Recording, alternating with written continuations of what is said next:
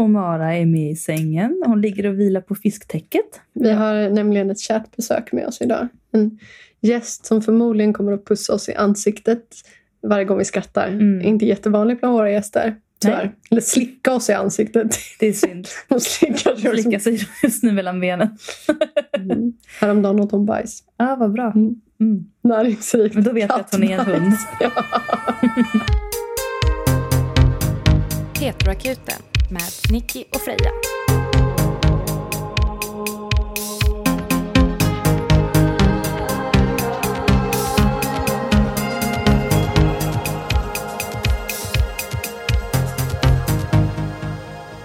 Men du är hos oss. Här på hissingen hos mig. ja, det brukar väl vara när vi spelar in höll jag. Men jag har inte varit det senaste gångerna. Nej, vi har ses in på distans och jag har varit hos dig. Det var länge sedan du var här. Mm. Och vi ska, vi ska köra lite heterokul. Och vilka är heteroakuten? Det är en relationspodd där vi, två lesbiska, svarar på era heterosexuella relationsfrågor ur ett lesbiskt perspektiv. Helt sant. Ja, jag övar varje gång. Ja. Det är vi. Och har vi några nyheter att säga? Känns som att vi har något nytt att säga. ja, men det har vi säkert. Vi, alltså, jo, ja, det här släpps på måndagen och på lördag så har vi livepodd i Stockholm på Cinema Queer Just det. Festival. Och vi, ni kommer kunna träffa oss på festen på kvällen. Ja, och ni kan ju komma på livepodden och Ja, då svarar det. vi på era frågor. Ja, just det. Men framförallt vill vi festa. Ja, vi vill festa med. Snälla får vi det. Vi ska faktiskt på klubb i helgen. Ja, det är så jävla stort. Det är en nyhet. Det är som snackis. Den första platklubben på typ två år nästan.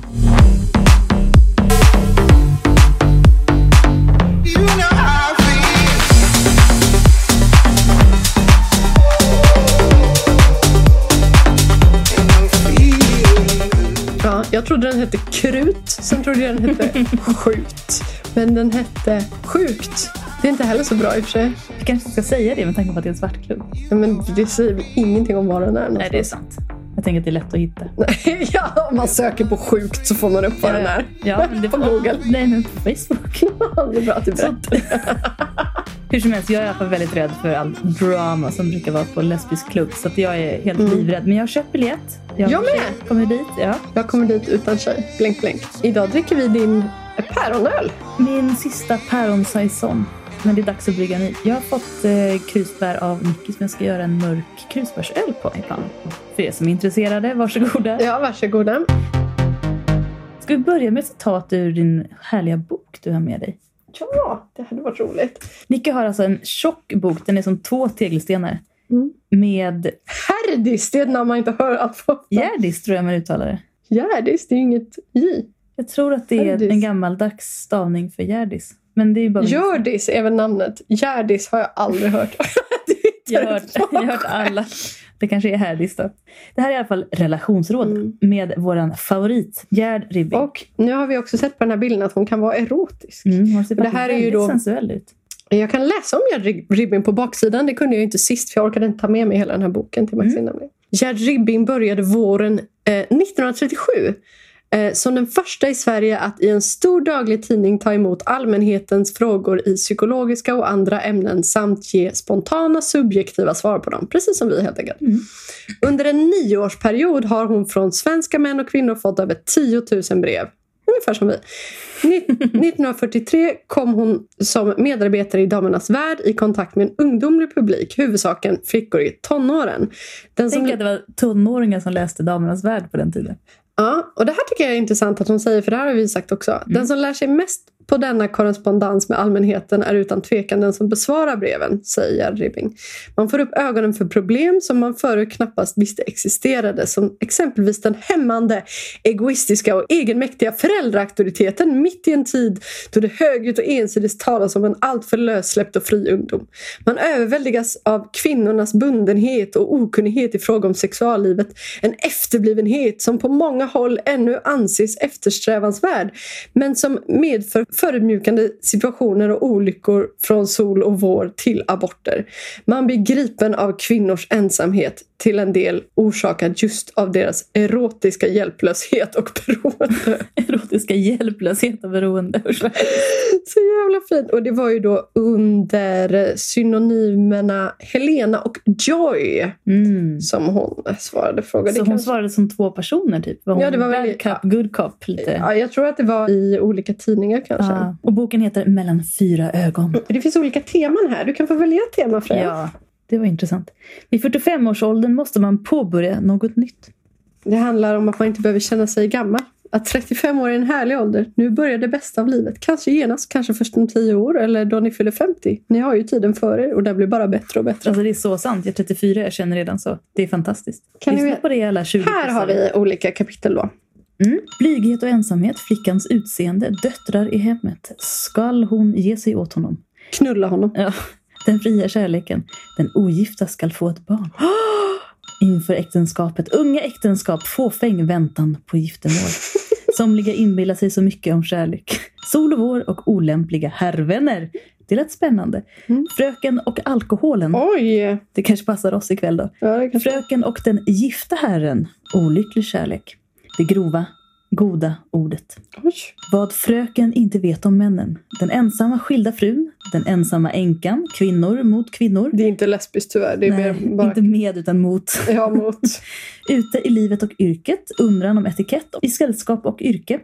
Giftermålsannonsen. Intressant. Hon som inte gifter sig, eget hem och umgänge och små funderingar om livet. Fortsätter det? Nej, det var det. Vad är, vad är du mest intresserad av? Vilket tema? Skall hon ge sig åt honom? Mm, det tar vi. 96. Ally skriver så här. För att glömma den jag älskat försökte jag vara ute och roa mig med andra unga män. Då upptäckte jag att de alla ville avsluta kvällen på sitt vis. Oj. När de märkte att jag inte var av samma uppfattning sa de mig att jag var skolflicksaktig och barnslig och lät inte mera höra av sig. Vilket jag också mest var nöjd med. Den man jag hade hållit av var av samma typ.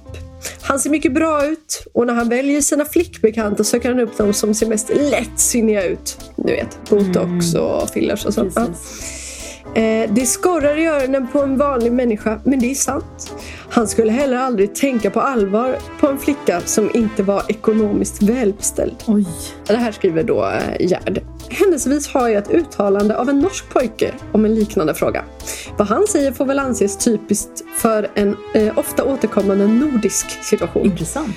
För vilka är det flickorna gör sig fina och makeupade? För oss gutter förstås. Och vi bjuder ut dem och gör, alltså det står tyvärr på Det står på svenska, men Ja. vi gör om orden till norska. Väldigt bra gjort. Tack. Det var länge sedan nu. Förlåt, så det är lite dåligt. Eh, vi bjuder ut dem och eh, gör av med våra surt fördärvade små löner. Lite ska man väl få igen för utlägget och en kyss i porten är väl det minsta. Va, vad jag tycker om det flick... Töser. Det, nej, töser tror jag inte. Jenter, Jenter. vad jag tycker om det jämte jag går ut med då? Eh, jo, det är vanligen läckra ting. All right till sin användning. Eh, jag har tänkt roa. Det var faktiskt riktigt citat. Ja. Jag har tänkt roa mig med dem i några år till. Då. Men när jag gifter mig en gång kan ni stole på att eh, det inte ska vara med en sån där som bara vill ut och roa sig. Då vill jag ha en av de gammeldags sorterna eh, som jag kan respektera och vara stolt över och som eh, inte har gått ur hand i hand. Där finns väl några sådana typer av, men de växer då inte på lövträden. Ja, Ora Madonna. Ja. Alice skriver att livet är så invecklat så man vet varken ut eller in. Nej, det är inte så invecklat. Eh, Men man får låta bli att tro att alla människor, män som kvinnor, är precis likadana. Det är de på sätt och vis, men kanske inte på samma gång och vid samma ålder. Vid 18 år vill flickorna störtas in i förlovning och giftermål. De vill inget annat. Och de vill endast se blivande fästmän och äkta män i varenda pojke de tycker om. Helst ska eh, Redan den första smäller till med förlovningen. Vid 18 år vill pojkarna fortsätta leka och då har det just gått upp för dem att flickorna kan använda till njutningsmedel och leksaker. Oj, oj. Mm. Och så skojar de och tar för sig allt vad de kommer åt. Allt är livat och de kan ogenerat fortsätta den leken till 25 eller 30. Ja, somliga fortsätter hela livet. Mm. Det går nämligen så otroligt lätt att få leksaker. Förklaringen läser man ovan. Ovan. Det är flickornas blinda störtande som malar mot det ljus som de tror är förlovning och giftermål. Åh. Kanske vi vill läsa den. Om Ines. I vintras träffade ni en pojke som var trevlig och så bra ut. Ni fattade tycke för honom och han sa att han älskade er och att han ville gifta sig med er, vil- vilken tanke tilltalade er. Men nu blev han närgången och tjatig och fick plötsligt sexuella fordringar på er. Men ni ville inte gå med på hans önskningar. Ni har andra åsikter och sa det. Då förlorade han nästan allt intresse för er. Hans besök och påringningar upphörde. Ni, citat, älskar honom gränslöst ännu och ibland ångrar jag att jag inte var som han ville. Då kanske jag hade fått behålla honom. Börja söka upp honom, citat slut. Frågan. Vad svarar Gerd? Jo. Ja, gör det fröken. Spring efter denna otrevliga typ. Ödmjuka er för honom. Säg att ni älskar honom gränslöst. Fast ni bara sett varandra då och då sen i vintras. Bry er inte om att han är bortskämd, egoistisk och hänsynslös. Klamra er fast vid honom så att ni blir gifta. Men kom inte tillbaks och klaga när ni blir olycklig. Det har ni i så fall lagat i ordning åt er alldeles själv. Och då skall ni också stå för den saken och inte beklaga er. Alltså, jävligt Ja. hård. Ja. Där har vi en bra sammanfattning. Ja, man kan väl inte ge något annat råd än att kasta sig i fördärvet. Ja, kasta dig för det. Ja. Ibland säger ju Freja, kör det i botten. Ja, och då är det precis det här jag menar. Ja, det är lite det här. Ja, känns det, kan du inte släppa det så kör det då tills det går helt åt helvete. Tills Men du vet med säkerhet att det inte är det du vill ha. Ja. Och då kan det gå vidare. det ser kommer så dåligt, så dåligt så det någon annan. Ja, Kan som, det bli mycket sämre? som tur var är det väl inte så många som hinner gifta sig idag. Det var väl den stora skillnaden då. Men ville man få knulla? Det var inte lätt. Det fanns ju inte preventivmedel alls på samma sätt. Alltså, man kunde ju såklart få tag i det. Ja, Men det var ju inte lätt. det var inte lätt. Finska rycket då? Ja, ja men det funkar inte så bra. Jag har, Har du provat? jag har ju provat det. nej, men jag har i alla fall en kompis som blev jättegravid Oj. av det. Jättegravid. Ja, supergravid. Oj, oj, Det var inte alls planen, men så blev det. Så blev det.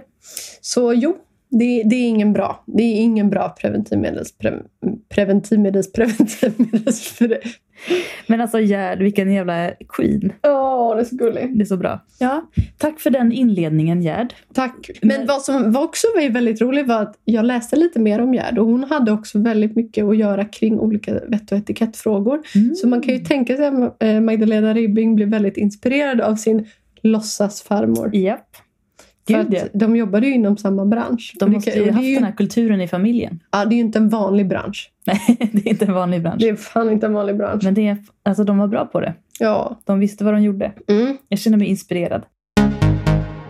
Oj, Oj! My God! Okej, nu har vi, tror vi har fått någon slags rekord här. eller så är det... Vi har det fått en pdf. Det har vi aldrig fått men, förut. alltså, jag tror vi har fått lika långa mejl. Den får du inte läsa Freja. Nej, det får jag inte. Kan vi zooma lite? Det hade varit lättare om vi fick det i text faktiskt. För Ja, då det hade vi det. kunnat scrolla på ett annat sätt. Men jag kan nog hantera det. Okej, vi har alltså fått en fråga på pdf. Ändå ambitiöst. Jag Ja, uppskattar ja alltså vi uppskattar det jättemycket. Bara lite chocke... Chock, chock, oj, så här. Niki fick ett hjärta. Och sen fick hon ett, Meddelande från min mamma. ja, det stod bja. Ja, det är bebisspråk för bra. Ja, ja. Jag brukar ju alltid vara förberedd och ha läst igenom alla frågor noga och Mm. koll. Men jag har inte gjort det den här gången. Nej. Jag tänkte att det skulle bli en överraskning Det för var oss starkt alla. Nu kommer- hugger vi in. Nu kör vi. Okej. Fråga nummer ett. Mm. Hej kära ni! Tack för att ni är så underbara och klipska och varma. Det är verkligen en guldpodd ni har. Tack! Jag har tänkt länge att jag skulle skriva till er men har snubblat på att det blivit så himla långt och förvirrat. Men nu skickar du en pdf, det är asbra. eh, Antagligen för att jag har så många frågor som egentligen skulle behöva en veckolång inläggning på er akutmottagning. Du är välkommen. Men också för att jag inte vill bli igenkänd eller hänga ut min före detta partner slash föräldern till mitt barn. Vi har nämligen inte än kommit ut inför våra familjer med vår nya livssituation. Därför tänkte jag skicka en version med bakgrundsinformation som är mer till för att ni ska kunna få en bra bild av situationen och en annan version längre ned som kan läsas upp. Okej. Jättebra. Om den känns för lång kan ni strunta i den långa hemliga och bara gå direkt på den kortare längre ner som ni får läsa upp för lyssnarna. Om det känns som en vettig fråga. Jag tänker att det kan vara bra för oss att ha lite Mm. förhandsinformation. Då kan vi läsa den på tu man hand då. Ja, då har vi läst den delen eh, tyst. Den som vi inte skulle läsa högt. Så nu vet du det, vi har läst den. Mm. Nu kommer frågan. Eh, ja, jag skulle behöva reda lite i om det är viktigt att berätta att man är lesbisk för sin familj. Jag och mitt ex, som är en man, ska berätta för våra familjer att vi inte är ihop längre. Jag har insett att jag nog inte är hetero alls och har landat otroligt bra i den insikten rent känslomässigt även om jag inte hunnit börja leva som jag vill ännu. Är det nödvändigt att berätta om den lilla detaljen att jag är lesbisk? Samtidigt känner jag att det känns förlegat och gammalt att dölja när det också är en ganska viktig anledning till varför vi inte kan vara ihop längre. Det finns andra anledningar också som jag inte går in på här. Samtidigt, det blir ju lite grafiskt också att inför sin familj indirekt prata om att jag kommer knulla och då blir det med en hona. Är det rätt att tvinga på dem sån information? Och samtidigt, det är ju fegt och gammaldags att inte säga det. Det är ju inget att skämmas för längre. Eh, är det ett bättre alternativ att bara säga att vi gjort slut och sen om det finns en flickvän eller kärlekspartner så kommer det att komma upp lite mer naturligt. Våra familjer är varken mer eller mindre trångsynta än de flestas. Vi behöver inte vara rädd, rädda att bli utfrysta eller så. Vi vill berätta för dem att vi inte är ett par längre på grund av att de ska slippa tro att vi är otrogna mot varandra när vi kanske börjar dejta lite smått längre fram. Jag är säker på att ni har en massa smarta vinklar på det här och jag skulle bli glad att höra era tankar. Tusen tack för svar, er tillgivna patient. Åh, tack för frågan. Jag vill verkligen säga först och främst, alltså vem man väljer att leva med eller bara vem man intresserar sig av, det är inte en liten detalj. Nej. Och även om du av någon anledning väljer att träffa en kille igen eller bara plötsligt gör det så tycker jag du ska berätta ändå att du känner att du inte är straight.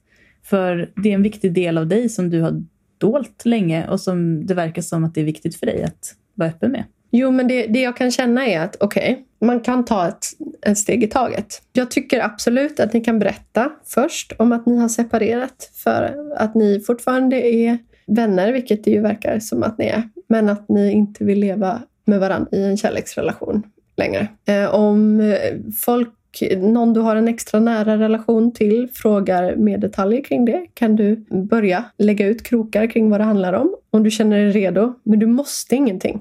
Nej. Och det kän- alltså lite på ditt mejl så låter det som att du har någon lite internaliserad homofobi.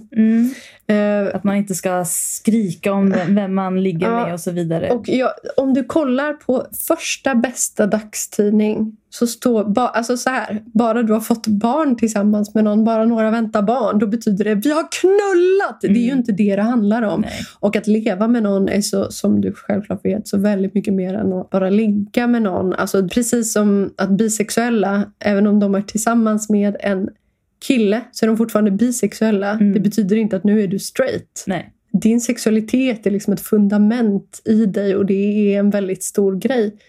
Det där med att man inte ska skrika ut sin sexualitet, det är någonting som heterosexuella som skriker ut sin egen sexualitet Hela tiden. hela jävla tiden Ja. har hittat på. För en kvinna och en man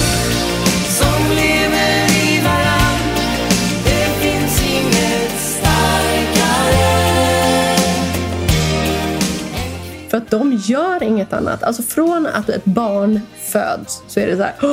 Åh, hon kommer krossa kill, alla killars hjärtan. Och, åh, de är kära fast de är sex månaders bebisar som har fått Kolla på Ja, men du skulle aldrig säga att var kära, de var kära om det är... Och det är väl verkligen att pracka på någon en Verkligen. sexualitet. Mm. Folk blir påprackade sexualiteten från att de är små. Det är därför man måste komma ut istället för att bara bli kär. Ja, För att man måste bryta mot en norm som finns. Så är det. Och jag känner igen mig mycket i dina tankar. Det här med att inte berätta förrän man har träffat en partner. Eh, det, det tänkte jag väldigt mycket också. Det var ju bara det att det kom ju aldrig någon jävla partner. Och det, och det blev liksom en motsatt effekt. För Mm. att det gjorde ju inte att mina släktingar slutade fråga om jag hade träffat någon. Men de sa ju alltid Har du någon kille nu? Är du kär i någon kille? Har du träffat någon kille? Vilket också gör det helt omöjligt för en. Man känner att man inte kan säga jag är lesbisk men jag har inte träffat någon tjej heller. Alltså det är liksom världens omväg. Det som hände mig till slut, för att det slutade med att jag låste mig alltså helt. Jag pratade knappt med mina släktingar längre från att ha varit väldigt om mig och kring mig och pratat. En gång när jag kom hem så hade, var min pappa väldigt stressad och sa nu Nicky, nu har jag gjort någonting som kanske inte var så himla bra och du får vara arg på mig om du vill och det var dumt och jag kanske inte skulle gjort det. Men då hade i alla fall eh, min farbror frågat om jag hade någon pojkvän Mm. och då sa han att nej, men även om hon träffar någon så är det inte säkert att det kommer vara en kille. Mm. Och det tyckte jag var så himla skönt. Jag tyckte inte alls det var jobbigt. Jag tyckte det var så skönt att folk plötsligt visste utan att jag behövde säga det. Mm. Så jag tycker det du också kan göra, vilket jag gjorde mycket, mycket visserligen i tonåren, men det kan man väl göra fortfarande. Berätta för någon du litar på. Känns det jobbigt att berätta för andra i släkten? Låt dem sprida ryktet. Mm. Ja, Låt det gå ett rykte om dig. Det Ja. väldigt skönt. Jo men faktiskt, att Mm. istället för att du ska behöva komma ut för varenda människa, det är i alla fall en idé. Jag Men tycker det är ett väldigt bra råd. jag, jag tycker du behöver inte säga någonting för din integritets skull. Men du ska inte låta dig styras av din rädsla. Nej, för problemet är att du efter ett tag kanske känner att du blir inmålad i ett hörn. Om du Mm. undviker det väldigt länge så blir det Mm. till slut- en väldigt stor grej. Vilket Precis. inte behöver vara. Det låter som att det redan har börjat bli det för dig. Du behöver inte ställa dig upp och komma ut för alla på en gång. Låt det ta sin tid. Börja med separationen och se vad det kommer för följdfrågor. Mm. Se vad du känner dig bekväm med. Börja dejta lite. Det blir kul. Ja, bara prova. Även om det inte är personer du nödvändigtvis kommer bli kär i. Testa, kasta dig ut. Alltså, oavsett, det låter som att det här är en sak som du tänker väldigt mycket på som är en viktig del av ditt nya jag inom citationstecken. Och som du på många sätt kanske känner är ett, en frigörelse för dig. Inte bara från det gamla utan också att, att kunna få vara någonting mer. Liksom, som du inte har kunnat vara innan. Och känns det viktigt så tycker jag du ska ta det på allvar. Även om andra kan reagera. För som du säger, dina släktingar kanske inte är så trångsynta egentligen. Det är mest att du är rädd att säga något kanske och sen inte leva upp till det. Eller Mm. att skapa en idé om dig som kanske inte stämmer. Alltså man har ju inte kontroll över ryktet när det väl börjar gå. Men du kommer få kontroll över läget. Tänk om vi gav rådet att inte komma ut. Mm. Att hålla Gud, allt hemskt. hemligt. Alltså, du nämnde här förut, jag tror inte det var hemligt, men du nämnde att du var våg. Och det här är Mm. väldigt vågigt att inte vilja vara till besvär. Du vill inte vara, Mm. pracka din sexualitet i ansiktet på någon. Det folk, Du vill liksom- folk bryr sig faktiskt inte så mycket om vem du ligger med. Nej, Det kanske känns så för dig, för du bryr dig väldigt mycket om vem du ligger med. ja. Men andra brukar faktiskt inte bry sig så mycket. det handlar heller inte bara om att ligga med någon. Jag tänker att jag har, mass, jag har du med och såklart, många samkönade vänner som har barn. Typ alla, utom vi nästan. Eh, och vårt band, det är väl vi. Ja. Alla andra har barn. eh, och jag menar, det är ju inte som att när man ser den lilla familjetrion så tänker man inte oj vad de har knullat. Oj vad de knullar. Sitta nu visar de ut här att de ligger med varandra. Alltså, jag det är menar, också för att de inte har behövt ligga för att få barn. Nej men, nej, men alltså jag menar att, mm, Att de man, le- ja, men man, Ja. jag menar lesbiska hinner ju knulla lika lite som alla andra när de har Ja. småbarn. Och alltså man lever sitt, man väljer att leva ett intimt och kärleksfullt liv tillsammans med en annan person. Det är mer än sex. Ja. Det, är, det är ett liv. Ja, det är ett liv. Folk har ju inget val annat än att respektera Nej. det. Jag menar herregud. Även om jag har, jag har varit singel i flera år nu. Och eh, jag ska inte säga hur länge sedan det var jag låg. Det var alldeles för länge sedan. Men i vilket fall. Jag är fortfarande lesbisk. Det Mm. gör mig inte Trots mindre... att du inte knullar Eh, med Nej, honor jag varje dag. nej, jag, nej, precis. Jag menar, jag bor till och med tillsammans med en person som, som alla tror är min fru på, på hela min ö. Alla tänker Eh, oj vad och, de har sex. Och vi är inte lesbiska med varandra. Men jag är jättelesbisk på min kammare. Mm. Mm, det är jag. Japp.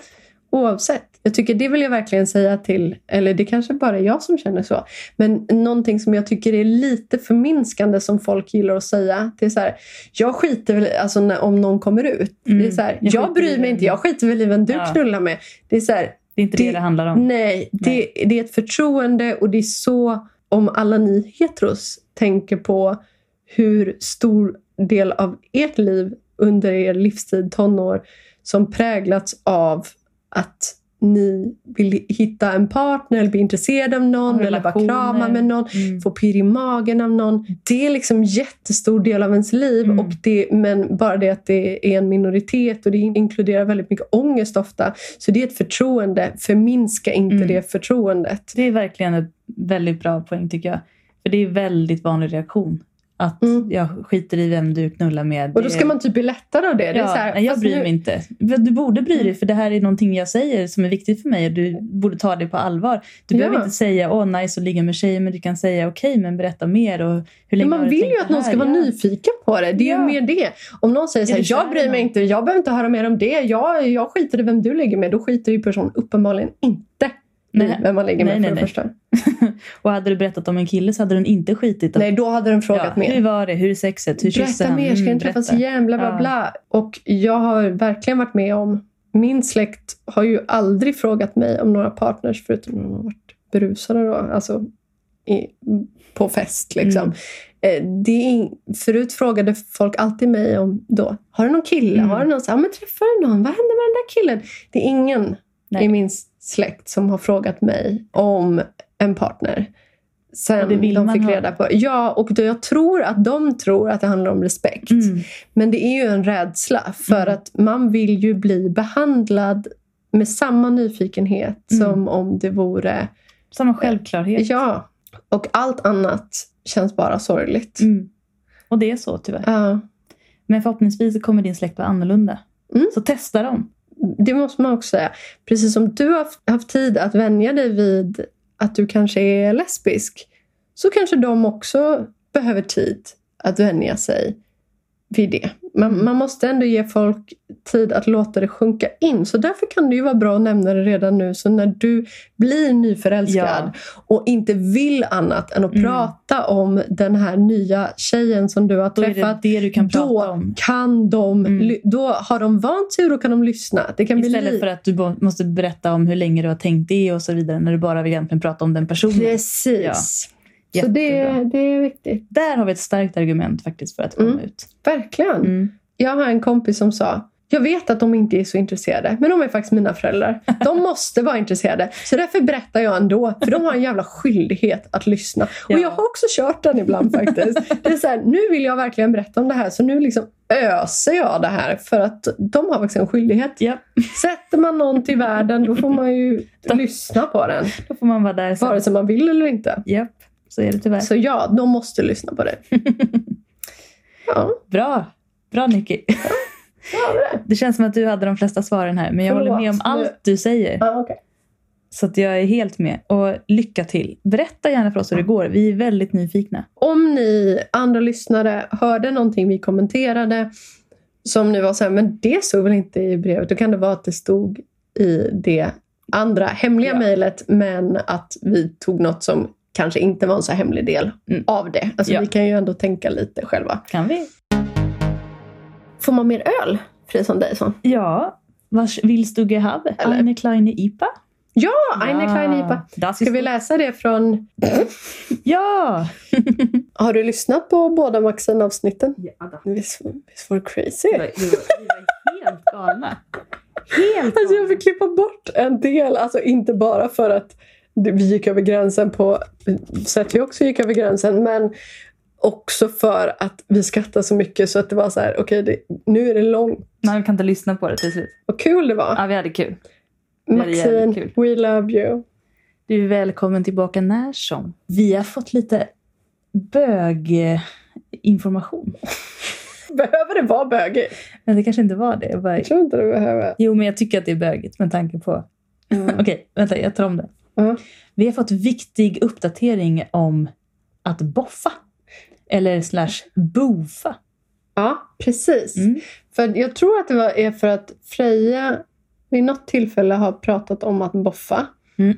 Som att, det, att det var någonting som vissa i min högstadieskola gjorde. Att man doppade en trasa med, i bensin och så luktade man på den och så var det som att sniffa lim. Och det kallades för att boffa. Mm.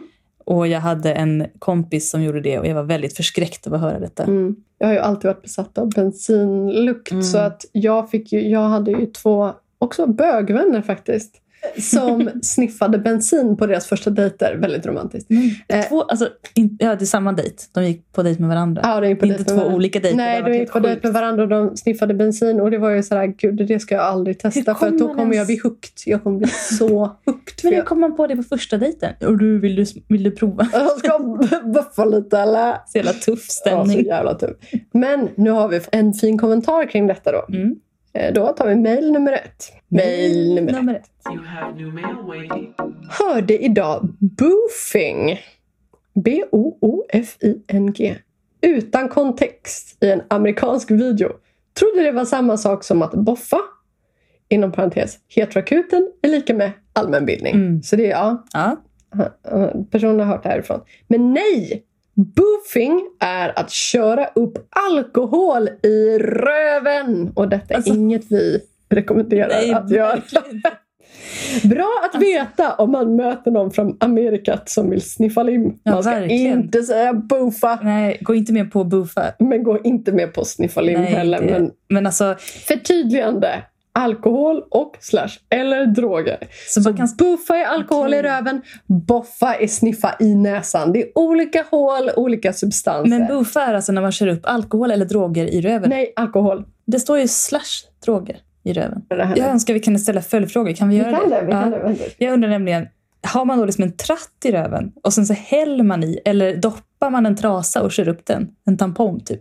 Är det tratt i röven? Eller en trasa? Det är viktig information. Men alltså, hmm, intressant. Det borde ju innebära... Jaha, nej! Du har helt rätt. Förtydligande. Alkohol eller droger. Ja, så du, du kan också köra typ... Men en rö i Sverige heter ju att stoppa in eh, droger i röven är ju att ta en rövpanna. Det har jag aldrig hört. Det vet jag för att jag känner Jenny Högström. Ah, Så, ja. Rövpanna, fy Ja, fan för vilket bra hon ord. nämner det till exempel i sina dikter att hon tar en rövpanna. Jag tror i alla fall att det... Vänta, Jag måste googla här nu. Rövpanna. Nej, Googling. okej. Jag vill ha din Google-historik. Den är sjuk, sjuk. Jag hade aldrig kommit undan i en mordutredning. nej, nej, nej. Ja, Guide till Här! så kallad rövpanna på Flashback.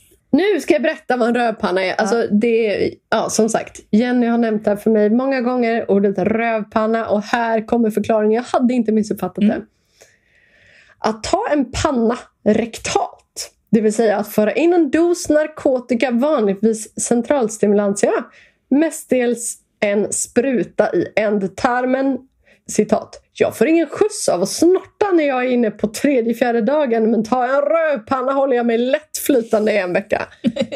Det här är från slangopedia.se. Alltså fy fan. Ja, så boof, boofing och rövpanna är samma sak. Och det är någonting man antagligen gör då för att man har knarkat så många dagar i rad att man inte känner någonting längre. Och då måste man ha lite känsligare slemhinna. Ja, eller att man bara vill testa någon annan ände. Va? Ja. Man har ju flera stycken, så varför inte? Det borde ju funka med snus också då. Borde man bli mer påverkad av snus i ändtarmen än under läppen? Alltså jag, jag rökte ju rödvin och sprit. Har jag också rökt. I, Rökt? ja, i Jag är i vattenpipa. vatten, vattenpipa. Det var, in, det var det värsta jag gjort i mitt liv. Ja, det ska vara starkt. Eh, det, det finns inget svar på detta från Ah. personen. Eh, det är Om det är rinnande eller inte. Okej. Mm. Men rövpanna är i alla fall samma sak som boofing. Men boffa är Intressant. någonting helt annat.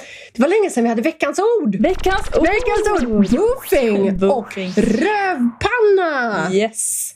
Det är samma Vad tydligen. allmänbildad jag känner mig nu. Jag tänker att jag förstår detta slang.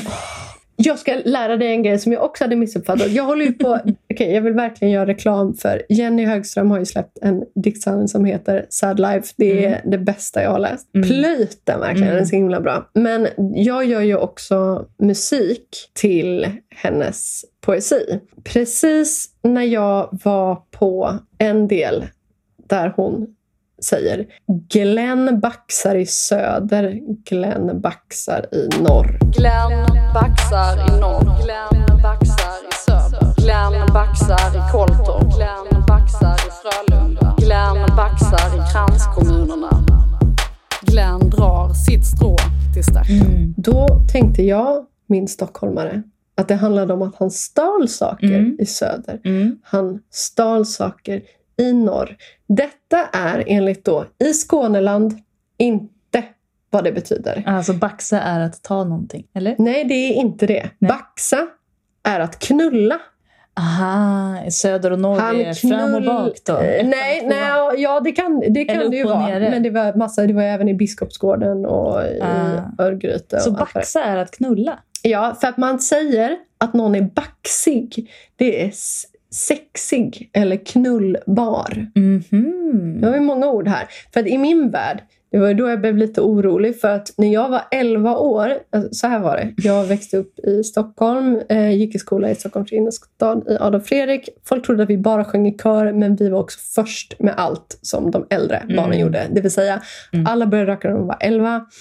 Och då köpte jag i alla fall ett par baxade Buffalo-skor. Ett par stulna alltså. Ja, eller vad de knullade. vad vet Vem jag? vet? Jag vet inte längre. De kanske var- baxade i söder? Det var, detta var, ja, det var också samma dag som jag tjuvrökte min första cigarett. Jag var 11 år Och gammal. vilken dag, Nicky! Jag var ute i skogen. Oj, oj, oj. Och följdgrej på det. Folk undrar varför jag inte klarar av sour cream and onion chips. Då var det så här, Mm. jag tjuvrökte i skogen, gick inte att tvätta händerna. Så att på pendeltågsperrongen hem så köpte jag och min kompis ett paket tuggummi och en påse med sour cream onion chips. Mm. Som vi sen, vi tuggade lite på tuggummit, sen kned vi in händerna i allt detta. Nej, fy fan. Så att, Åh, ja, ja, det är trauma. Och så illamåendet på det. Uh. Ja, det var en sidostory, men baxa är i alla fall, det har två betydelser. Men att vara baxig, det är att vara knullbar. Som min kompis som fick höra från sin mamma när hon skulle gå ut en eh, dag och fika med oss. Att eh, citat, hon såg ut som något man ville knulla. Då var hon alltså baxig. Hon var baxig. Jag, jag känner mig så upplyst. Vi har bara en fråga. Berätta. Fråga. Jag tänker så här. Man har känsliga slemhinnor på olika ställen.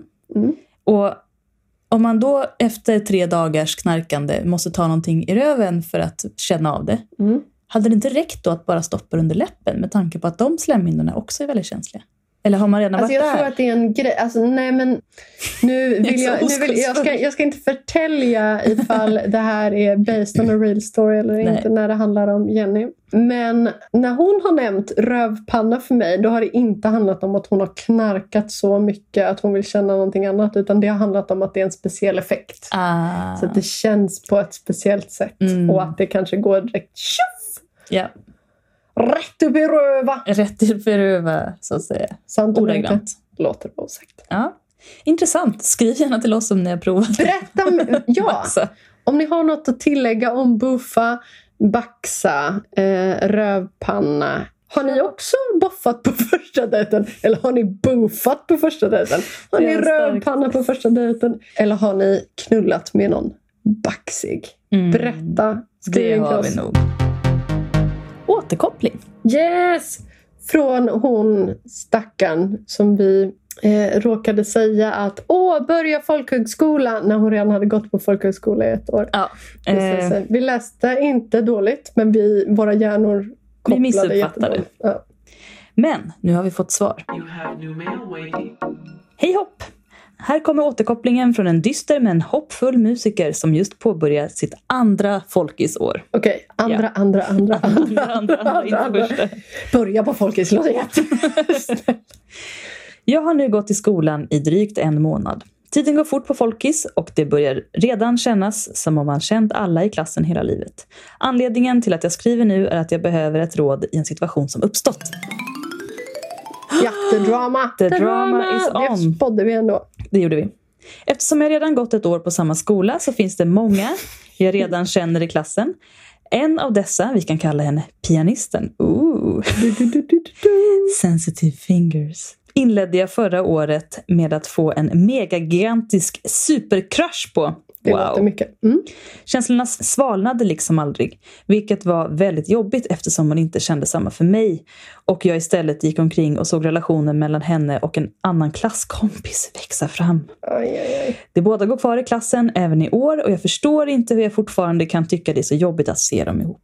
Efter mitt förra mejl till er fick jag rådet att vara öppen kring vem jag är och vara nyfiken och social bland de andra i klassen. I ett försök att göra just detta hamnade jag i ett samtal där det kom fram att en annan andra års elev, vi kan kalla honom basisten, gjort slut med sin partner. Under hela förra året var han i en relation och jag hade därför inte ägnat honom så mycket tanke. Även på grund av pianisten och allt hon fick mig att känna. När jag nu fick reda på att basisten är singel blev jag lite fundersam. Han är absolut en kille jag skulle kunna falla för och om jag ska vara är, helt ärlig så har jag nog alltid varit lite intresserad av honom. Jag har bara inte reflekterat över det eller låtit mig själv känna efter just på grund av att han varit upptagen. Nu känner jag mig lite kluven. Jag vet ju om att ingen av mina tidigare crushar haft samma känslor för mig. Jag vet också om hur det gick förra året när jag lät mig själv falla pladask för pianisten och sedan fick kämpa med mitt krossade hjärta hela läsåret. Jag vill liksom inte hamna där igen. Dels på grund av att det sög att gå omkring med obesvarade känslor, men också för att det viktigaste med folkis självklart är musiken, repen och övningen. Och crusherna. Ja, faktiskt. Mm.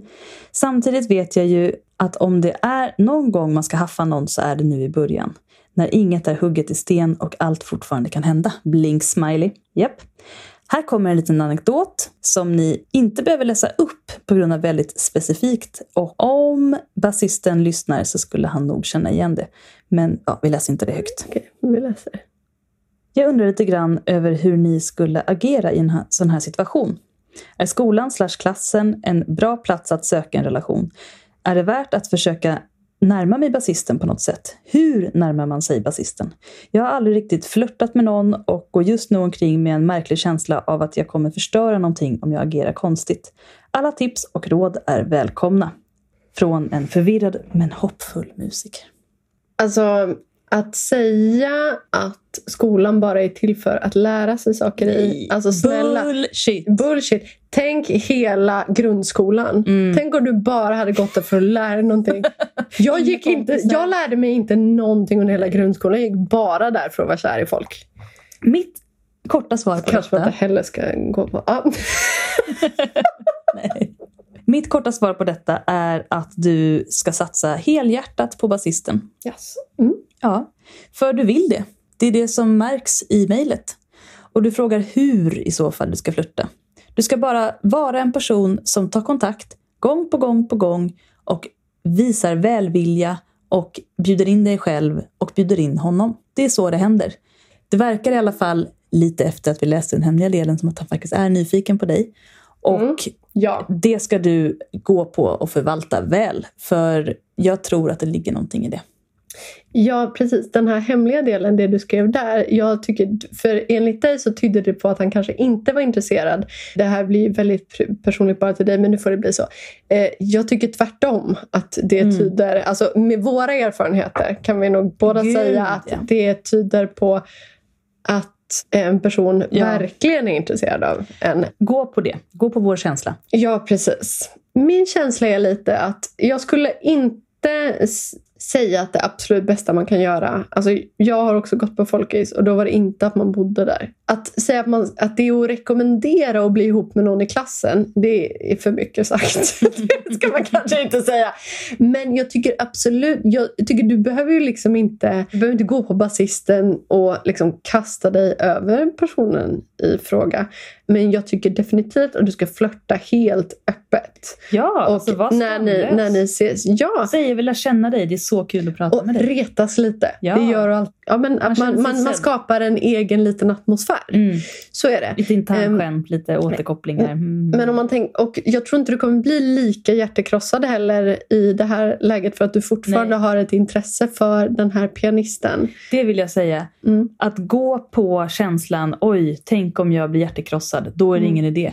Det kan du bara banka ur ditt lilla huvud just Ja. nu. Alla som lyssnar nu och som är rädda att flirta med någon eller närma sig någon för att man är rädd att bli hjärtekrossad. Mm.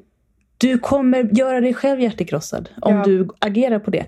Låt aldrig rädslan för kärlek hindra dig från kärlek. Och det här gäller allt annat också. Ta alltid ut segern i förskott. Ja. För det värsta som kan hända det är att du antingen segrar en gång och sen blir besviken en gång Mm. om du nu har firat i förskott. Eller att du får två segrar. Ja. Eh, har du inte firat, tagit ut segern i förskott, då blir du besviken två gånger. Japp. Eller blir besviken och sen firar en gång. Ta Kör. alltid ut för segern i förskott. Det är Ja. verkligen sant. Det är ett lejontips, Ja, men men ta det till Du nu. kommer i alla fall vara glad.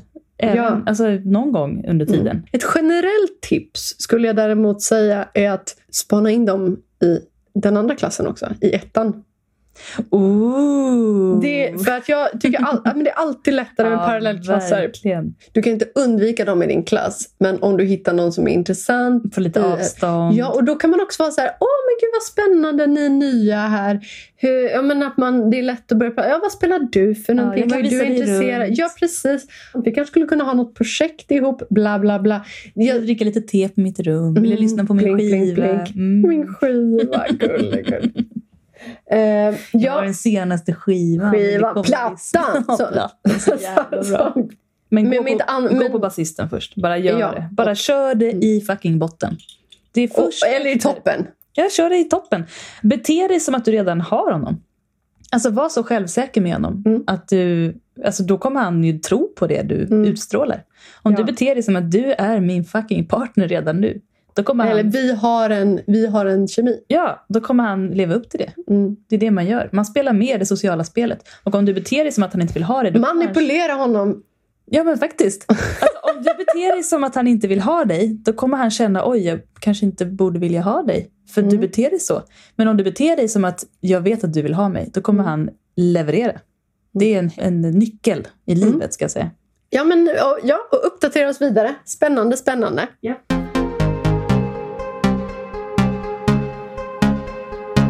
Vi pratade ju lite om namn innan. Vi kom ju på att båda våra mammor heter Eva.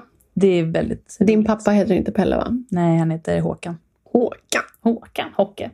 Eh, Men så kom vi på att vi hade varsin farfar. Som heter Åke. Som båda hette två. Åke. Mm. Och då kommer jag att tänka på, en, jag pratade med min pappa häromdagen. Min pappa är en väldigt rolig, han är väldigt snäll och han är också otroligt rolig. Och en sak som han har berättat flera gånger angående Åke, det är då att min farmor, hon lever inte längre, men hon ska poängtera någonting Mm. för min pappa. Så har hon alltid eh, räknat in sin man som också då hade varit död sedan typ 20 år. Mm. Och så har hon sagt så här, både jag och min man Åke, er far, i varje mening för att poängtera. Jätteroligt. Liksom att de inte visste att det var samma person. Liksom. Och, då, och då så skrattade jag åt det. För, för han sa, som om vi inte visste vad han hette, Mm. vår far. Liksom. Och att det var hennes man också. Och då sa jag, Vår far, din man Åke. Mm. Och då sa jag, ja, vad, vad farmor hette visste man ju i alla fall väldigt väl eftersom att hon älskade att prata om sig själv i tredje person. Mm. Hon sa alltid ja. Och lilla Britta Marianne. Och lilla Britta Marianne. Fyra år när hon skulle gå till skolan. Och, sådär. Och då så säger pappa, men hon hette ju inte Marianne. Och jag bara, va? då visar det sig att hon har bara hittat på att hon heter Marianne. I, Hon hette bara Britta. Nej, hon hette Maria. Det är ju det är ett franskt namn. Ja, Marianne. Så att hon tyckte att det var liksom lite mer tjusigt. Mm. Så när de liksom städade ur hennes dödsbo, så här, i alla papper så stod det Britta Maria. Och hon försökte ju också alltid få det till att hon stavade med ett T för att det var finare på Britta. Brita, ja. Ja, men det är så kul att hon alltid har talat om sig själv som Britta Marianne och Men- så heter hon inte det. Men de visste inte det förrän hon dog. Nej! Britta Maria. Så jävla... Jag fick reda på det här om dagen och jag skrattade så mycket. Gud vad roligt. Det var bara en stor lögn. Ja. Och det är som min, eh, mitt ex som hade en lärare i eh, lågstadiet som brukade säga Jag heter inte Madeleine, jag heter Madeleine som fontän. Det blir liksom inte bättre. Det är så äckligt på något Madeleine som fontän. Min första lärare hette Gunilla Aronsson. Mm. Och såklart killarna i klassen kallade henne för Gorilla Öronsson. Och det är ju fruktansvärt roligt. Men alltså hon hade ingen självdistans. Nej, Alltså, såklart. hon blir var så arg varje Hon gång. blev helt gud. skogstokig! Och det var lite så här, alltså hade hon bara ägt det. Ja, ja. Hade hon börjat kalla sig själv för Det hade gorilla varit så hade ju folk bara slutat Ja, ja. kalla henne för det. Åh, är ändå kreativ. stackarn. Jag tyckte hon var så gammal och hon var säkert yngre. Skål för är. gorilla. Ja. Åh, Rolfsson. Jag slängde ut en liten, en liten fråga. Jag började tänka på när jag kände en, vad ska man, kan man säga så, genuin skuldkänsla för första gången. Mm. Inte skam alltså, utan skuld. Nej, skam känner jag väldigt mycket när jag blev påkommen med att onanera i tid och otid hela Ja. tiden. Det, det var skam. Mm, det var skam. Men skuld är Mm. någonting som inte någon annan säger till en kanske. Utan det är Det, man, alltså kan, men sig. eller när man liksom när någon säger det till en och man verkligen förstår Ja, vad det är man har gjort. kan det ju också vara. Insikten. Ja. Och att det verkligen bränner i kroppen. mm. Och jag har tänkt att de, mina tidigaste minnen av skuld, dels att de är ganska sena, alltså ändå, typ sexårsåldern. Men det är nog mina också. Ja men det, är väldigt, det verkar som att det är det. Det? Men också att de sitter så djupt och att Ja. det är så som att jag aldrig har pratat om dem nästan. Och det verkar som att ni delar de här känslorna. Så, men, så jag frågade er vilka era tidigaste minnen av skuld är eh, och vad det var. På Instagram. Och då tänkte jag att jag rabblar upp ett gäng här. Intressant. Så kan vi berätta våra sen. Mm. tar vi ett. Jag var runt 3-4 år och min, det var ändå tidigt. Och min stora syster 19-20 år. Vuxen. Mm. När hon skulle hjälpa mig på med min pyjamas råkade jag riva henne och hon sa aj irriterat. Sen sprang jag och sa förlåt till henne resten av kvällen tills hon sa nu räcker det. Haha. Det hade inte känts jobbigt om det var någon annan i min familj men hon var min stora idol och man vill ju inte skada sin idol. Åh, och så gör man eh, ännu värre genom att säga förlåt hela tiden. Ja och det där är ju verkligen... Ja. Vet man inte vad man ska göra mer. Eh, när jag försökte kidnappa en, det här är väldigt roligt. När jag försökte kidnappa en skottkärra med nypon som stod inne i lekstugan på dagisgården. Det var en hämnd för att de andra barnen hade, när man lämnar får man ta att, en eftertraktad leksak jag höll på med, men tagit ögonen ifrån en sekund. Typiskt barn. Mm. När jag ville ha tillbaka leksaken hämtade de fröken och fick mig att se dålig ut. Hämnd vill jag ha, men att ta andra saker det kändes så fruktansvärt fel. Så jag typ stod där och såg ut som att jag var på väg att sno skottkärran tills de kom tillbaka. Då vart det livat minsann. De hämtade fröken och fick mig att se dålig ut igen. Var väldigt kränkt men kände också skuld över att ha gjort något som jag ansågs vara orätt. Nej, även om du gjorde det på riktigt så... Men varför en skottkärra med nypon? Man undrar verkligen. Vad Som gjorde... barn, man samlar på saker. Ja. Jag ska plocka nypon. Mer skam än skuld, men ändå. Minns att jag skulle... Så. Jag minns att jag skulle hjälpa fröknen att blanda juice, men att jag var så ivrig att jag tog vatten ur kranen som inte var kallt och alla fick varm juice. Åh nej, och sen så förstod du att det var du. Det kanske jag känner det här. Alltså, Ja. Du pirrar i min mage av ångest. Alltså det är så Ah. hemskt. Åh vad jobbigt. Eh, när jag var fem kanske, ja, men som jag ungefär, och skulle visa min lillebror som var tre hur vi hade lyft på stenar och tittat på insikter på skogsmulle som jag gick på. Av någon oförklarlig anledning släppte jag stenen när han höll handen under den. Jag tror inte det var en oförklarlig Nej, du anledning. vill jag, säga. jag tror att du var nyfiken på vad som skulle hända om du gjorde det. Ja. Eh, Så han blev av med en nagel. Oj, så jävla dåligt samvete har jag haft för det. Va? Och har det än idag. Haha. Hatar att jag har svårt att släppa sånt. Går och har skuldkänslor för saker som folk säkert inte ens minns att jag har gjort mot dem. Så himla onödigt. Men det är ju det som är skuld. Ja, det är det. Personen som ble, var De med om det här. aldrig. Nej, Nej. men det är att man själv är skyldig till att personen har ont eller Ja. skadas på något sätt. Uppenbarligen så är vi ju många som minns det här. liksom. Och tänker på det ofta. Och just i den Mm. åldern, man kanske hade skuldkänslor innan men det är de här som liksom har präntats in. Mm. Min känsla när mina grejer var liksom att jag kommer aldrig bli förlåten för det här. Nej. Ingen kommer någonsin kunna tycka om mig igen. Jag, det här är liksom för evigt. Mm. Det är ett väldigt effektivt socialt redskap vi har. Verkligen. När jag som fyraåring ish cyklar över min lillebrors stortå med en plasttramp trehjuling visste att det skulle göra honom illa men trampade på. men det är ju spännande. Man Ja. testar. Vad ska hända? Man testar. Och det var inte skönt. Nej. Mamma sa att hon skulle iväg och köpa chips. Kom hem och överraskade mig med ett Barbiehus. Jag var skitsur, fick ju inga chips. Jag tyckte synd om mamma minns jag, så det var väl skuld jag kände. Jag var först sur, men sen kom skulden och då var jag inte sur längre. Åh, och man ville bara ha sina chips och så fick man något annat. Och, alltså, det där känner jag verkligen igen. Jag, jag har en liknande faktiskt. Det var inte den jag tänkte ta som min skuld. Men det här är faktiskt när jag var lite yngre än den jag kom på först.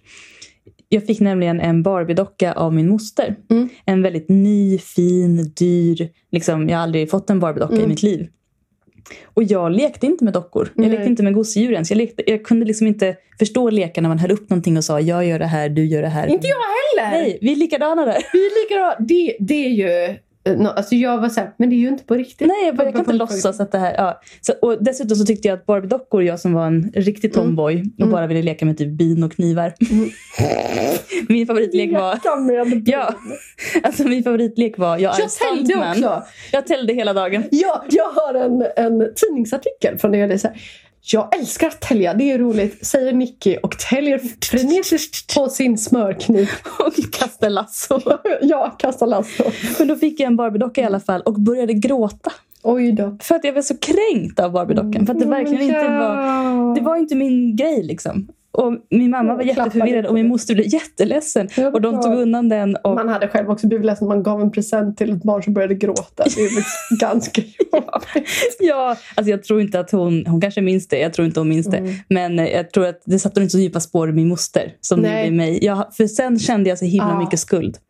Sen när jag tänkte efter på kvällen så förstod jag att hon hade bara velat ge mig det som alla tjejer önskar sig i den åldern. Och jag var så otacksam. Hur kunde jag vara så otacksam? Jag gillade Barbies men det var mer liksom ett samlarbeteende. Och att jag ville byta kläder på dem. Mm, men det kan jag förstå. Men jag lekte ju aldrig med dem. Alltså det var inte som att säga nu är det här. Nej det fattar jag inte Nej. något av. Jag ville bara ha dem. Vi är exakt likadana. Mm. Härligt att höra. Ja, eh, Men din första skam, ditt första skamminne. Jag har två och jag vet inte vilken som är vilken följd. Men de är väldigt, väldigt starka båda två. Den första då ska jag bara, nu, nu slänger jag ut den här, det som jag berättade för min psykolog under min ADHD-utredning som väl säkert var väldigt övertygad om att jag hade ADHD. Det var ju det här att jag, alltså det här var väldigt okej som barn, jag gjorde det till jag var typ 14 kanske, men jag bet ju folk. Så, eller så här, om någon sa, kan inte du testa att bita mig i armen? Så vet du allt du hade. Och jag kunde inte sluta. Nej. Jag kunde inte sluta. Och jag gjorde illa folk. Och Mm. sen så skämdes jag ju liksom. Men det här var den första gången som det verkligen var så här. Ja, men jag lekte med någon och kittlade någon också väldigt mycket. Och bet. Eh, min bästa kompis. Och hon sa stopp, stopp, stopp. Men att jag var så inne i mitt bitande så jag kunde inte släppa. Så jag bet liksom bara det hårdaste jag kunde. Mm. Och det tog väldigt många nej och väldigt mycket skrik från hennes håll innan jag kunde med och släppa. Mm. För att det var så skönt i tänderna liksom. Mm. Och det var ju inte illa menat. Det var Nej. inte att jag ville göra henne illa eller göra henne ledsen. Det var bara så skönt. Väldigt svårt att förklara. Jag förstår precis. Ja. och sen när jag väl då släppte så grät ju hon helt hejdlöst. Åh, och Nicky var så och dum. var även så här, jag vill ändå känna att hon var väldigt eller hon var liksom så här men jag sa ju nej, varför slutade du inte när jag sa nej? Och jag bara förlåt, förlåt, förlåt, jag vet. Och jag bara hade så, åh gud jag hade sån ångest. Ja, det är för sent. Alltså, det var bara, men vadå inte meningen? Jag sa ju att det gjorde jätteont och att du skulle sluta och du slutade inte ändå. Mm. Och hon liksom kunde ju inte riktigt komma över det under en period och jag bara bad om ursäkt. Jag hade sån Åh, vad jobbigt. total panik. Och var också, för jag vet att mina föräldrar och hennes föräldrar var ute så jag var så himla rädd att de skulle komma in och se hur hemsk jag hade varit. Jag kunde inte förklara varför jag inte hade slutat, men jag kunde ju inte sluta. Nej. Och sen så var det en annan gång där jag ändå vill säga att det var ju verkligen inte mitt fel. Så. Men det var, alltså jag har ingen aning om vad det här barnet var. Eh, jag tror att det var, det var på mitt landställe och jag tror att det var liksom någon grannes barnbarn eller någonting. Jag kanske var sex och hon kanske var tre. Alltså det var, Mm. och, och jag hade ju inga syskon då. Jag har ju en sys- syster, en stora syster nu. Men jag hade liksom inga syskon som jag hade kontakt med. Så att jag på något sätt fick så en liten känsla att hon kunde vara min lilla syster. Hon kunde Mm. vara min låtsas lilla Mm. syster. Och jag tyckte hon var gullig och vi fick lite kon- kontakt. Jag visste inte hur man pratar med barn. Och så var vi ute och promenerade och så skulle jag lära henne att man kunde äta olika sädesslag. Och då var det korn. Mm. Så om man skalade dem så var det liksom en liten plupp i Kärnan. mitten Mm. som, man, som man kunde äta. Och hon var så här, men kan man verkligen det? Och så här, jag bara, jo, jo, jo, det kan man. Och sen när vi kom hem så hade ju hon förmodligen fått i sig massa alltså, av det här vassa. Ja. Så hon började kräkas. Nej. Och hon bara kräktes och kräktes Åh, och bara, jag vill gå hem, jag vill gå hem. Nej. Och min mamma fick stå och hjälpa henne att kräkas så det var vasst i halsen. Och jag hade så... Åh gud. Jag skämdes och jag skämdes och jag skämdes. Och liksom, det var ju ingen som anklagade mig för det. Eller liksom så här, men, men jag klarade ju inte av att träffa henne igen. Nej, Aldrig någonsin. Nej, Åh, för att jag känner mig som den värsta människan i hela Hur världen. kunde du? Jag har fått Mm. henne att äta någonting som hon sen gråter och kräkas. Alltså gråta och kräkas samtidigt. Nej, fy Det är så fan. otroligt ångestig Åh, så var hon så liten och söt. Ja, hon var liten. Hon var bara ett barn och hon hade lyssnat på mig. Hon hade Ja. litat på mig. Och jag hade sagt, ja men du kan äta det här. Usch, för hemskt. fan. Nej, det sitter djupt alltså. Och jag vet inte ens vem människan är. Jag har ingen aning om om du lyssnar. Förlåt. Jag tänker ofta på en sån sak också som eh, var med min bror. Och han var ju två år yngre än mig. Mm. Och jag måste ha varit sex och han var väl fyra. Jag ska bara sätta på ljud ifall Seko hör av sig Gör så det. kan hon komma upp. Liksom. Och så satt vi i... Vi åkte någonstans med bilen. Vi, jag tror vi stannade någonstans vid någon kiosk och så fick vi varsitt tuggummi. Och du vet på den tiden fanns det tuggummi med tatueringar. Ja, ja, ja. Ja, gnuggisar som var så Oh. jävla coola. Mm. Och vi var så nöjda. Vi fick välja varsitt tuggummi och så fick vi varsin tatuering. Och så när vi öppnade våra tatueringar så såg jag att hans var coolare än min. Min var typ en liten drake, hans var typ ett sår. Åh! Så det är som ett äkta sår. Och jag satt och tittade på han i bilen och tänkte, åh gud, vad, åh, vad störigt att han fick det. Och jag, Stod du? ja. Så han la det bredvid sig och så somnade han i bilen. Och när han låg där och så, så bytte jag ut våra tatueringar. Och för att han inte skulle upptäcka så satte jag på mig tatueringen direkt. Smart! Eller hur? Så jävla osmart.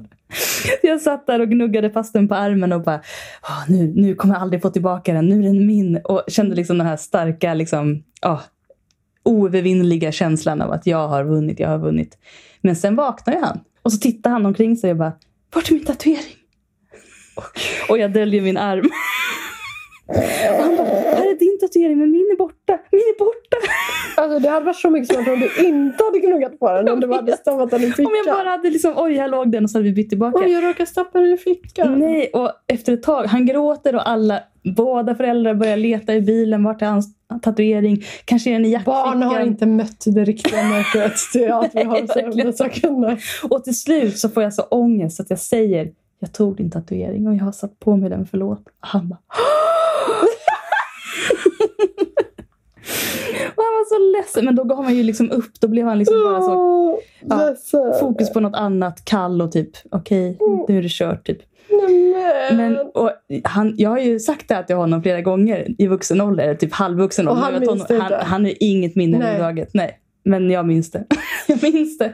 Det är spännande för jag tänkte säga, jag undrar om alla har lika stark känsla kring det. Liksom. Jag tror det. Som, ja, Det är deep shit alltså. ja. Kanske, nästa gång kanske vi kan ta de mest pinsamma sakerna man har gjort. För jag, har ju, jag gjorde ju en pinsam sak till exempel här i vuxen ålder. Jag tror att jag är redo att betta om den Här saken. hemma hos mig. Mm, jag skrev ett sms på fyllan till en person som jag inte minns att jag skrev. Och alltså, det var så pinsamt för mig så Just att jag det. nämnde ingenting på ett år för någon. Det här blir fortsättning följer Ja, men däremot så har vi några till som vi måste Mm. läsa upp. Varken du eller jag har erfarenhet av det här men, men flera vi känner har erfarenheter av det här och det Mm. är väldigt hemskt eh, angående skuld. Uppvuxen i frikyrkan så har alltid varit en syndare. Var väl kring sju då jag började ha dödsångest och rädsla för helvetet. Kände väldigt mycket skuld för att vara mig själv bara. Usch. Tänk om jag hade haft det perspektivet när jag tog min brors tatuering.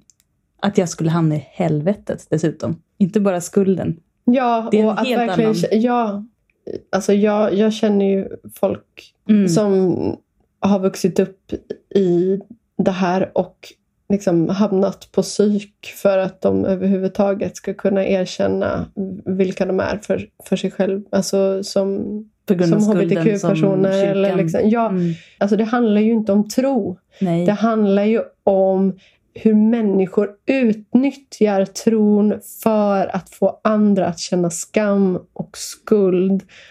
Och det borde ju de personerna hamna i helvete för om det nu finns Gud, ja. något, sånt. Där har Gud vi ja. rättvisan skippad då. Mm, verkligen. Och sen här också väldigt sorglig. Kände skuld när jag var runt fem för att mamma mådde dåligt. Men Men det kan man jag- ju också förstå. Det tror jag verkligen. alla barn som har föräldrar som mår dåligt tar på sig den skulden själva. Det är Verkligen. väldigt vanligt. Inte alla, men de flesta. Ja. Det kan Åh. vi ju säga att alla känner de här känslorna. Alltså just de här, det här är ju väldigt extremt när det kommer. Alltså, jag vet att vi har fått önskemål om eh, att ha med en lyssnare i podden. Det här är en sån grej som jag skulle kunna tänka mig att ha med. En lyssnare som har en, en sån typ av erfarenhet. Alltså Mm. kring att ha vuxit upp i frikyrkan eller någonting, liksom hur det har påverkat. En sån sak. Det är Jag- intressant. Jag kanske, ja, jag kanske bara ska nämna det för jag, jag kanske ska uppdatera om min katt. Eh, Lång historia kort. Hon har genomgått två operationer på grund av ett jävla snöre i magen som var helt sjukt långt, typ en och en halv meter. Som hon har svalt. Och Hon, hon är på Vättringsvägen och det är jättefint. Men ja, det landade ju till slut på någon så nästan 90 000 eller någonting. Alltså, me- men jag hade ju såklart försäkring. Men ja, Det täckte inte allt. Nej, det blev väl typ 28-29 tusen som hamnade på mitt bord. Och det är ju pengar som jag absolut inte har, men jag älskar min katt. Så sa jag att om man har en god ekonomi Mm. och kan bidra med någonting så får man jättegärna göra det. Och då var det någon som föreslog i en grupp att så här, många vill säkert bidra men kan inte utlysa en tävling bland de som skänker. Att, att bland, lotta ut bland de som tänker att den får vara gäst i podden. Även om jag la ut det här kring podden så har ju inte det här med podden att göra.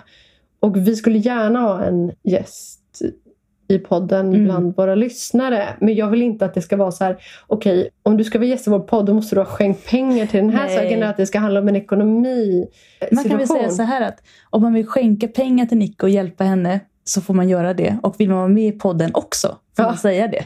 Ja, alltså jag kan se så här, såg så här mardrömsgrejer framför mig. Så här, den som ger mest pengar får vara med i podden. Alltså, det är inte, det är, så vill vi inte ha det. Sen är det också så här, de som har gett pengar kanske inte ens vill vara med i podden. Nej. Det här är en helt annan fråga. Vill man vara med i podden för att man har något man känner att man verkligen vill bidra med? Nu när vi släpper det här, då har vi kört i två år nu.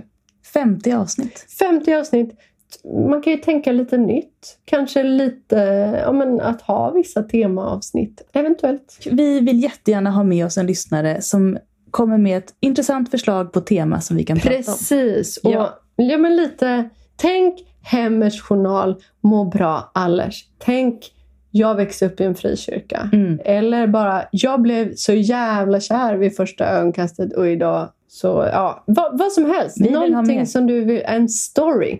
Man, men även om man inte vill vara med så får man gärna bara skriva sin lilla story till oss. Ja. Det läser vi också gärna upp. Det här hände mig. Det hade varit en dröm. Vi vill Gud, veta vad som har hänt Ja. dig. Hör du det? Och med det så tror jag att vi är klara för idag. Och vi tackar för alla era bidrag till de väldigt skamfyllda känslorna. Ja, Jag du är inte ensam. Nej, gud nej. Det här är väldigt skönt att prata om tycker jag. Ja. Har ni mer skuld och, och, Och lätta era hjärtan. Ja, ja. Säg, säg det. Nu har ni hört några av våra. Ja. Tack för att ni lyssnar och tack för att ni stöttar oss och tack för att ni skriver. Och tack till er som har, eller till alla, men er som har bidragit till Solveis pissröv dyra operation. Mm. Det värmer väldigt mycket. Jag ser er. Jag ser er peng räknas. Hej då! Gud, jag känner mig full.